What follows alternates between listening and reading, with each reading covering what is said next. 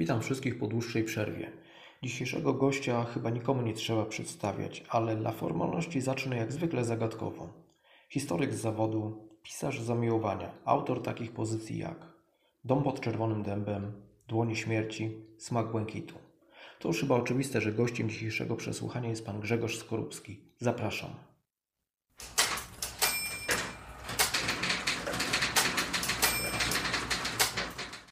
Kiedy zapadła decyzja o napisaniu książki? Jakie były okoliczności jej powstania? To troszeczkę ma głębsze korzenie, bo pierwszą właściwie książką beletrystycznie to, było, to był dom pod yy, Tajemnica Domu Zacnego Szkota. I ona powstała tak śmiesznie, bo pamiętam, że robiliśmy gry miejskie. Notabene zachęcam do odwiedzenia naszej strony www.gramiejska.net.pl I ta gra miejska jest trochę inna, bo od typowych gier, ponieważ polega na tym, że tworzymy opowiadania.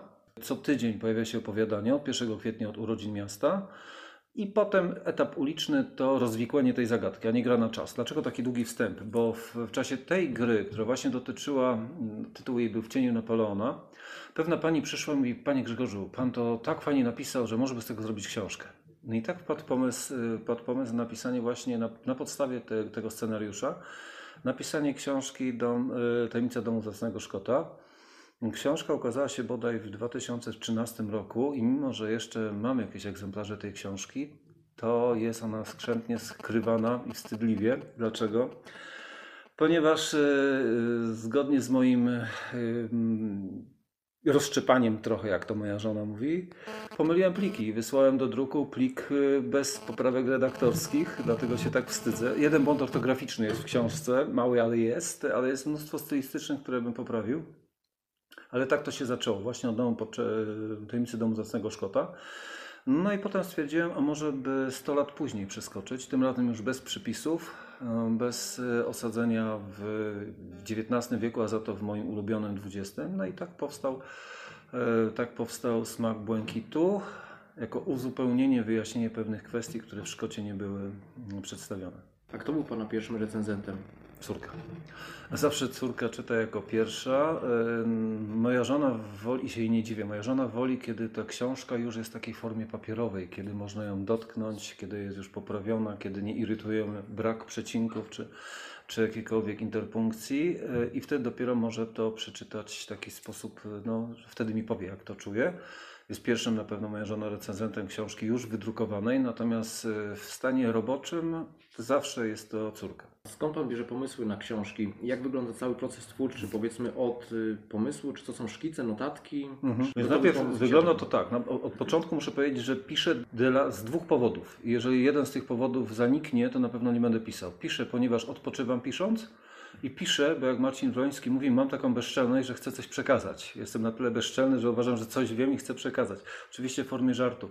Każda książka to coś oprócz zagadki kryminalnej, coś co chce przekazać, zwrócić uwagę, dać czytelnikowi do myślenia. Natomiast jak ona powstaje, książka, jak powstaje pomysł? Pomysł powstaje chyba najdłużej, bo znaczy najdłużej. No jest to proces długotrwały, bo zanim najczęściej zanim się ulęgnie i zanim się wytworzy, wykreuje, to trwa około pół roku. Kiedy myślę nad tym, o czym by to napisać, a może to, a może tak, a może by to tak ująć, może by to wetknąć w ten, w ten rok, a może w inny rok to będzie wrzucone. Więc to trwa dość długo. Natomiast potem, kiedy już pojawia się pomysł, kiedy pojawiają się bohaterowie, kiedy jest już jakiś zarys fabuły, siadam i rozpisuję to na rozdziały. Piszę w tradycyjnym Wordzie, bo wiem, że na przykład tu Agnieszka Pruska kiedyś mnie chciała bardziej nowoczesny program typowo do pisania powieści nauczyć, ale, ale ja jakoś tak przyzwyczaiłem się do tego Worda, dużo rzeczy robię w Wordzie i to mi w zupełności wystarcza. Czyli tworzę rozdziały, mniej więcej oczywiście. Potem wrzucam w te rozdziały, zastanawiam się, co ma być, takie myślniki i, i tam, tam wpisuję to, co chciałbym tam zawrzeć. Po czym przystępuję do pisania i potem jak na końcu książki patrzę na mój plan, jaki był, to okazuje się, że wytworzyło się coś zupełnie innego, bo w trakcie pisania powstają zupełnie nowe rzeczy, nowe pomysły, nowe rozwiązania. Czasami tak jakbym siedział obok siebie i się zastanawiał, je, skąd ty to wymyśliłeś, nie? Fajny pomysł na to, to może by jeszcze coś tam dalej. E, I tak to wygląda. Natomiast ta fabuła się zmienia w trakcie. Czasami mi się pewne elementy, szczególnie takie, że staram się w swoich książkach, aby czytelnik miał też prawo do rozwiązania e, zagadki. Czyli nie, nigdy nie ma czegoś takiego, że na przykład e, no, główny sprawca czy zagadka dopiero na ostatnich stronach czytelnik otrzymuje jakąś wskazówkę. Staram się, żeby te wskazówki w trakcie trwania były tak dozowane, które pozwalały rozwiązać tą, tą zagadkę. Więc w międzyczasie pisząc gdzieś jeszcze coś, ach tutaj dodam czytelnikowi takie coś, może zauważy, może nie zauważy i tak dalej. E, takie rzeczy się pojawiają, czasami się cofam e, i ten nie ma takiego procesu twórczego jakby ciągłego. Jest raczej taki, taki, że coś się, jest ogólny zarys, jest pomysł, wiem, że to ma być, ale jak to będzie wyglądało w momencie startu jeszcze nie wiem. Przygotowując się do wywiadu założyłem, że nie będę wchodził w fabułę, to zostawię czytelnikom, ale zaintrygowała mnie postać Adama Karskiego. Mhm. Dokładnie chodzi mi o genezę powstania tej postaci. Ona jest tak nasycona emocjami, różnymi cechami charakteru, że doszedłem do wniosku, że chyba pan się musiał wzorować na jakimś konkretnym przykładzie. Nie. Nie. E, Karski jest. E, powiem, dzisiaj właśnie też rozmawiałem z jednym z moich czytelników, ponieważ mm, no, bardzo pozytywnie pewną książkę zrecenzowałem i i padło pytanie, czego nie lubię w tych, tych, yy, tych książkach. Nie lubię tego, co jest obecnie modne w powieści kryminalnej, czyli mówiąc krótko, yy, pościgi, krew kapiąca z każdej strony, makabryczne yy, zabójstwa do tego stopnia, że morderca lada moment w scenie końcowej będzie popełniał samobójstwo przez powieszenie, podpalenie, wyłupanie sobie oczu, wyrwanie sobie wnętrzności i jeszcze na koniec popełnienie harakiri. E, główny bohater to musi być obecnie, tak jest tendencja, kiedy patrzymy, główny bohater to musi być lekoman, narkoman, alkoholik, zgwałcony w dzieciństwie przez rodziców, księdza, siostrę zakonną, nauczyciela, najlepiej wszystkich razem e, i tym podobne rzeczy. Natomiast tak nie wygląda życie tak naprawdę przecież. Nie wszyscy są aż tak źli do tego stopnia i chciałem, żeby mój bohater był bohaterem prawdziwym, normalnym, takim, który funkcjonuje, a jednocześnie może budzi, ma swoje błędy, bo oczywiście, że nie jest idealny, nikt nie jest idealny, ale może też budzić trochę sympatię. Karski jest takim, każdego z tych bohaterów jakby daje, daje trochę siebie i stąd na przykład, no naprawdę trzeba trochę siebie pisząc, że chce się być autentycznym, ofiarować. Trzeba się wczuć w to, jak ten człowiek e, mógł czuć, jak on mógł e, odbierać emocje, nawet w morderce trzeba się spróbować wczuć, w jaki sposób on to mógł robić, chociaż to jest niezwykle trudne i, i męczące. Dlatego na przykład nigdy w moich książkach nie będzie e, żadnej sceny gwałtu. Tego nie potrafię, to jest tak ohydne, że nie potrafię sobie tego wyobrazić ani z jednej, ani z drugiej strony. E, przerasta to moje siły emocjonalne. Natomiast postać Karskiego też jest taką postacią, która ewoluuje, bo Karski e, w Smaku Błękitu to jest młody człowiek, który przyjeżdża na prowincję, jeszcze ma umysł zaprzątnięty dekadentyzmem w dłoniach śmierci już, jest już dużo bardziej poważnym człowiekiem, borykającym się z różnymi problemami, między innymi wywołanymi traumą po I wojnie światowej. No i właściwie dojrzały, bardzo dojrzały człowiek y, w, domach pod, w domu pod Czerwonym Dębem, mm, który też ma jednak swoje problemy przypisane do określonego wieku. Więc jest to taka postać, która też ewoluuje, która, która jest postacią bardzo, ale normalną. Wydaje mi się, że normalną, którą ja bardzo lubię. Ostatnio Pan y, ma dosyć dużo spotkań z czytelnikami. Jak są odbierane Pana książki? Nie słyszałem złego słowa, powiem w ten sposób. Postanowiłem, że będę spotykał się.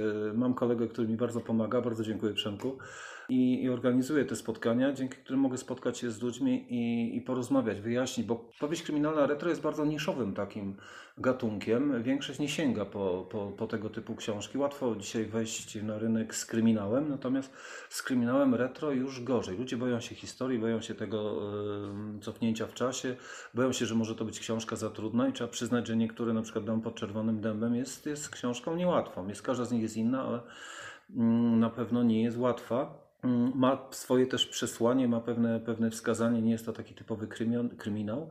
A powieść kryminalna retro w Polsce też nie ma aż tak dużych ilości mm, osób piszących, ponieważ e, mistrzowie tego gatunku, e, Marcin Wroński, Marek Rejski, e, Rysiu Ćwirlej, postawili poprzeczkę tak wysoko, że dzisiaj nikt nie odważy się napisać bez rzetelnego, e, rzetelnego zawarcia faktów, e, odbicia rzeczywistości, która w danym momencie była. To, to jest mnóstwo pracy, to jest przeglądanie, e, poszukiwanie źródeł. No ja na przykład musiałem chociażby przy ostatniej książce znaleźć, jakie, papieros, jakie cygara palono wtedy w Polsce, ale ile one kosztowały w roku 30, kogo na nie było stać, no, różne tego to są rzeczy, to są sytuacje, na które się zwraca uwagę. Mm, Czytelnik może tego nie zauważa, ale naprawdę pisząc staramy się. No, pół rozdziału, kiedy, mm, Karski, kiedy bohater wyjeżdża do Krotoszyna, kosztowało mnie na pewno napra- naprawdę sporo czasu. Należało poznać ten Krotoszyn, zobaczyć zdjęcia, jak wyglądały, poczytać o historii Krotoszyna, napisać, spytać, jakie były browary w Krotoszynie chociażby, następnie wysłać to do dyrektora muzeum e, w Krotoszynie, żeby to sprawdzić, czy to się zgadza. Dyskusje na przykład z osobą, która robiła korektę mojej książki, która na przykład zauważyła, pisząc było lato, dla mnie to było wtedy było upalne lato, rok temu, E, No i ja pozwoliłem Karskiemu zdjąć marynarkę na ulicy, na co oczywiście e, przeprowadzająca korektę natychmiast zaprotestowała, że to jest niemożliwe, żeby w 30 roku, i słusznie, żeby w 30 roku e, osoba na wysokim stanowisku szła ulicą bez marynarki. Z kolei ja się upierałem, że, Ady, że Adrianna Karska ma mieć scenę z zakładaniem pończoch na gładkie nogi, a e, korekta twierdziła, że nie było wtedy jeszcze Polki nie depilowały. Z kolei ja udowodniłem i znalazłem e, dane dotyczące, że jednak tak. I to jest sterty archiwów, wspomnień, gazet. Ja w ogóle zaczynając pisać powieść e, retro, najpierw zaczynam, mówiłem o przygotowaniu, ale też tuż do, do pomysłu, ale trzeba też się przygotować do nastroju i wtedy siadam i przez miesiąc y, popołudniami czytam gazety z tamtego okresu. Na szczęście jest Wielkopolska Biblioteka Cyfrowa, gdzie można w domu czytać, korzystać z prasy i wtedy się czyta od początku do końca od ważnych wydarzeń politycznych poprzez to, że w Pobiedziskach ktoś żonę zabił siekierą.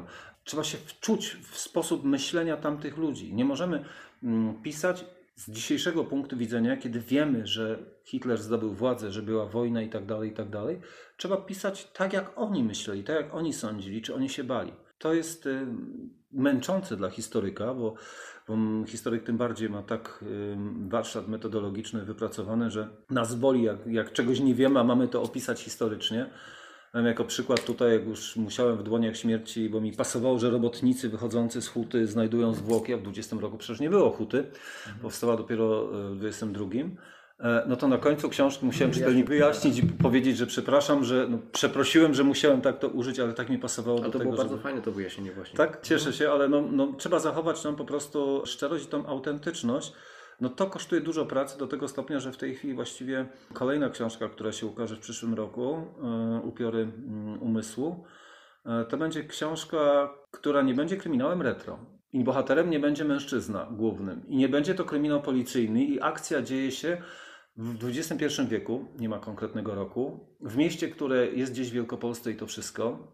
I mam naprawdę w tym momencie tak, musiałem odpocząć od tego mm, takiego żmudnego pisania, opisywania ulic zgodnie z tym, jak one wyglądały. Teraz po prostu płynę. Książkę mi się napisało bardzo szybko, bo nie musiałem się zastanawiać, sprawdzać szczegółów i, i tracić mnóstwo czasu na takie rzeczy.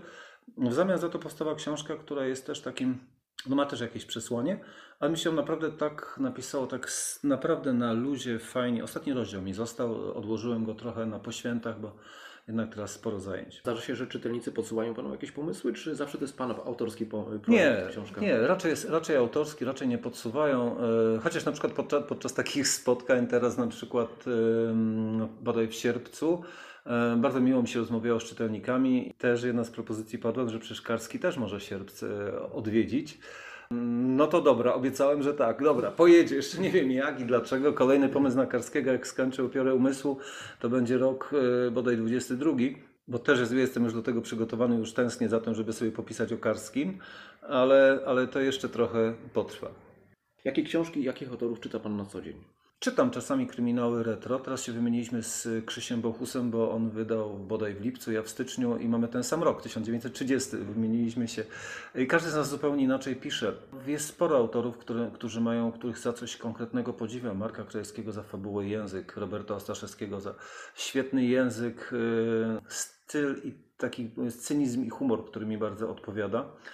Z autorów starszych, na przykład bardzo lubiłem Joe Alexa za wnikliwą analizę przebiegu śledztwa i tak dalej, Agaty Christie, ale powiem, że w tej chwili pracując zawodowo, jednocześnie pisząc, To czytanie książek w tym momencie oczywiście dużo czytam, ale to nie jest to, co, co czytało się kiedyś. Schodzi czasami na dalszy plan, niestety, kiedy muszę przeczytać coś, co mnie przygotowuje do książki. Na przykład w przypadku Karskiego e, to były olbrzymie ilości literatury psychologicznej, wspomnień e, z I wojny światowej. Ta psychologia w dłoniach śmierci o tyle jeszcze była trudna, że musiałem czytać książki i wyszukiwać tylko w tych książkach, które powstały do 1920 roku. Mm, Na przykład odkryłem dzięki temu, że nie wolno mi było użyć sformułowania seryjny morderca, bo wtedy jeszcze takie sformułowanie nie istniało. E, No potem na przykład sporo teraz przygotowując już tak pośrednio do kolejnego Karskiego, piszę te upiory, ale przygotowuję się do Karskiego. Z kolei mnóstwo książek mam jeszcze przygotowanych dotyczących i już zacząłem czytać dotyczących dziwnych spraw związanych z czarną magią, z białą magią, z różnymi sektami i tym podobnymi mm, działaniami, które powstały i znowu też tylko do 1922 roku. Więc sporo tego, natomiast e, no, najczęściej czytam na wakacjach mnóstwo. Teraz połknąłem trzy książki Kasi Gacek, e, całą tą serię od Wujek Morderstwo, tego filmu, który był. E, Najnowszą Roberta Ostaszewskiego, mm, Marka Krajewskiego, Ćwirleja, chyba Miasto, nie pamiętam już, Osiedle Niebiańskie, tak to się nazywało. Mm, Także z tych książek gdzieś tam się pojawiają i Anny Kańtoch też polecam bardzo, taki świetny kryminał. I na koniec, jakie dałby Pan rady osobom, które dopiero zaczynają pisać książki? Znaczy powiem w ten sposób, że uważam się za autora zbyt młodego, żeby, żeby dawać rady innym, to po pierwsze i, i, i na pewno to, to ja jeszcze powinienem oczekiwać sporo, sporo pomocy i rad, ale myślę, że y, żeby nie popełniać takich błędów, że wydaje się, mając lat 20, ktoś bierze się za książkę bardzo ambitną, która która y, chciałby w tym momencie przedstawiać swoje spojrzenie na świat, bo on już wie, jakie jest lekarstwo, jak ten świat wygląda. Czasami patrzę i czytam takie książki i zastanawiam się, pomijam recenzentów i krytyków, bo, bo, bo część z nich po prostu pisze tak, a nie inaczej, no bo cóż taka moda albo takie fajne spojrzenie. Raczej myślę, że warto po prostu y, oglądać ludzi, poznawać ludzi, uczyć się całe życie z pokorą przede wszystkim, z pokorą patrzeć na to wszystko, uważać, że niekoniecznie muszę mieć rację i opowiadać o tym, co się chce opowiedzieć. Czyli jeżeli mną targają e, jakieś emocje, no, to o, chcę o tym napisać. To tak jak mm, do czego na przykład powstały te trzy książki z Karskim, zupełnie inne jest, e, tak jak mówiłem, zupełnie inne jest dom, em, tajemnica domu Zasnego Szkota, bo tam nie ma tego że tak powiem, podprogowego przekazu, tak to nazwę. Napisałem, bo chciałem sobie pobawić się scenariuszem do e, Pogrzemińskiej.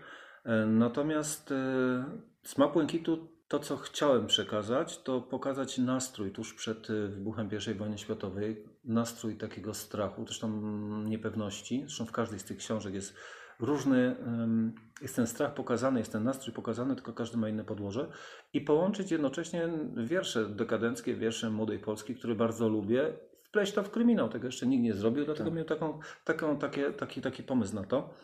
W Dłoniach Śmierci z kolei chciałem też przedstawić kwestię, jak pierwsza wojna światowa wpłynęła na psychikę ludzi mm, i jak ona wpływa. Przy okazji też inne elementy tam się pojawiły. Nie doceniamy tej pierwszej wojny światowej, nie zdajemy sobie sprawy z tego, jak ona, jakie ona piętno wywarła na psychice nie tylko tych, którzy brali tam udział, ale też ich rodzin.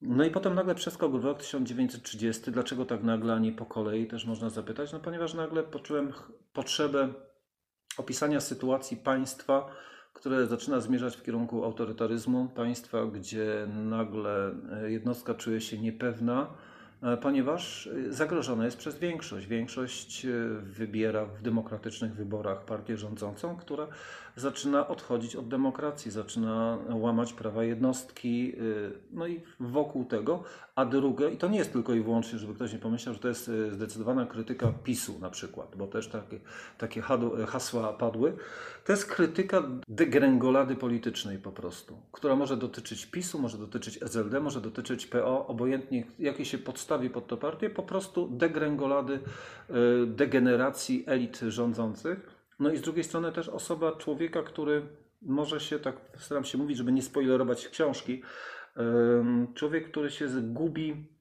w swoich dążeniach do władzy, do rozbujanego y, erotyzmu, do y, przesadnie rozwiniętej chęci panowania nad ludźmi. Więc to jakby coś, coś, jeżeli wychodzi, to w tym momencie warto, warto to napisać, warto nie zastanawiać się zbytnio nad użyciem słów, tylko wyrazić to, a potem to przeczytać po raz drugi i wtedy dopiero e, dopieścić. Marek Krajewski mówi, że on jak skończy powieść, to zaczyna czytać ją na głos i wsłuchuje się brzmienie i wtedy poprawia. To jest genialne. Panie Grzegorzu, dziękuję za wywiad i poświęcony czas, a Wam, drodzy słuchacze, za to, że odsłuchaliście ten podcast do końca. Pozdrawiam, cześć.